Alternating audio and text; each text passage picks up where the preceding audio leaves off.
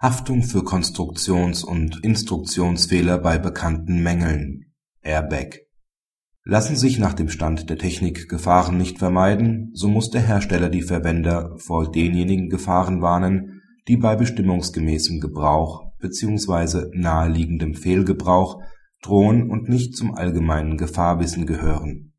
Der Kläger verlangt vom Hersteller eines PKWs (Zulassung 2000) Schadensersatz mit der Behauptung, der Thorax und der Kopfairbag seien beim Durchfahren eines Schlaglochs ausgelöst worden. Er sei an der Halsschlagader verletzt worden und habe einen Hirninfarkt erlitten. Die Vorinstanzen haben die Klage abgewiesen. Der BgH hat das OLG-Urteil aufgehoben und die Sache zurückverwiesen. Nach Ansicht des BgH kann ein Konstruktionsfehler vorliegen, wenn das Produkt schon seiner Konzeption nach unter dem gebotenen Sicherheitsstandard bleibt Hierzu sind die Sicherungsmaßnahmen erforderlich, die im Zeitpunkt des Inverkehrbringens des Produkts nach vorhandenem neuestem Stand der Wissenschaft und Technik konstruktiv möglich sind und als geeignet und genügend erscheinen, um Schäden zu verhindern. Bei der gebotenen Einzelfallabwägung ist insbesondere die Größe der Gefahr wesentlich.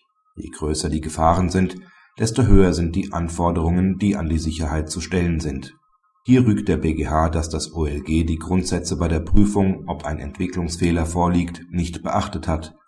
Da die mit Fehlauslösungen eines Airbags verbundenen Gefahren für Leib und Leben hoch sind, haben Hersteller die Pflicht, diese in den Grenzen des technisch Möglichen und wirtschaftlich Zumutbaren auszuschalten. Hierzu ist das Urteil des OLG widersprüchlich, beziehungsweise lag es nahe, dass das OLG den Begriff des technisch Möglichen verkannt hat Rechtsfehlerhaft war auch die Verneinung eines Instruktionsfehlers. Lassen sich mit der Verwendung des Produkts verbundene Gefahren nicht vermeiden und darf das Produkt gleichwohl auf den Markt gebracht werden, so ist der Hersteller grundsätzlich verpflichtet, die Verwender vor den Gefahren zu warnen, die bei bestimmungsgemäßem oder naheliegendem Fehlgebrauch drohen und nicht zum allgemeinen Gefahrwissen gehören.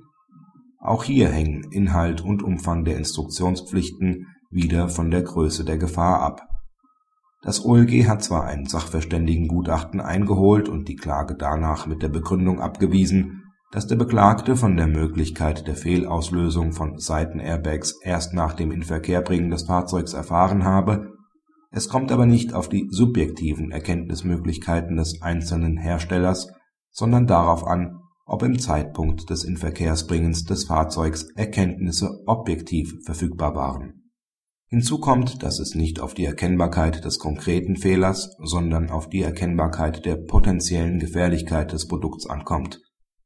Nach den Feststellungen des OLG war der Beklagten aber das mit der gewählten Konstruktion allgemeine Fehlerrisiko bekannt. Praxishinweis Ein lesenswertes Urteil zur Produkthaftung, insbesondere zu den Anforderungen an eine Haftung für Konstruktions und Instruktionsfehler die Anforderungen an den Hersteller hängen davon ab, wie hoch das Gefahrenpotenzial des Produkts ist. Bei einem Airbag sind die Anforderungen durch das erhebliche Risiko und Gefahrenpotenzial hoch, weshalb letztlich die Sache an das OLG zurückgegeben wurde.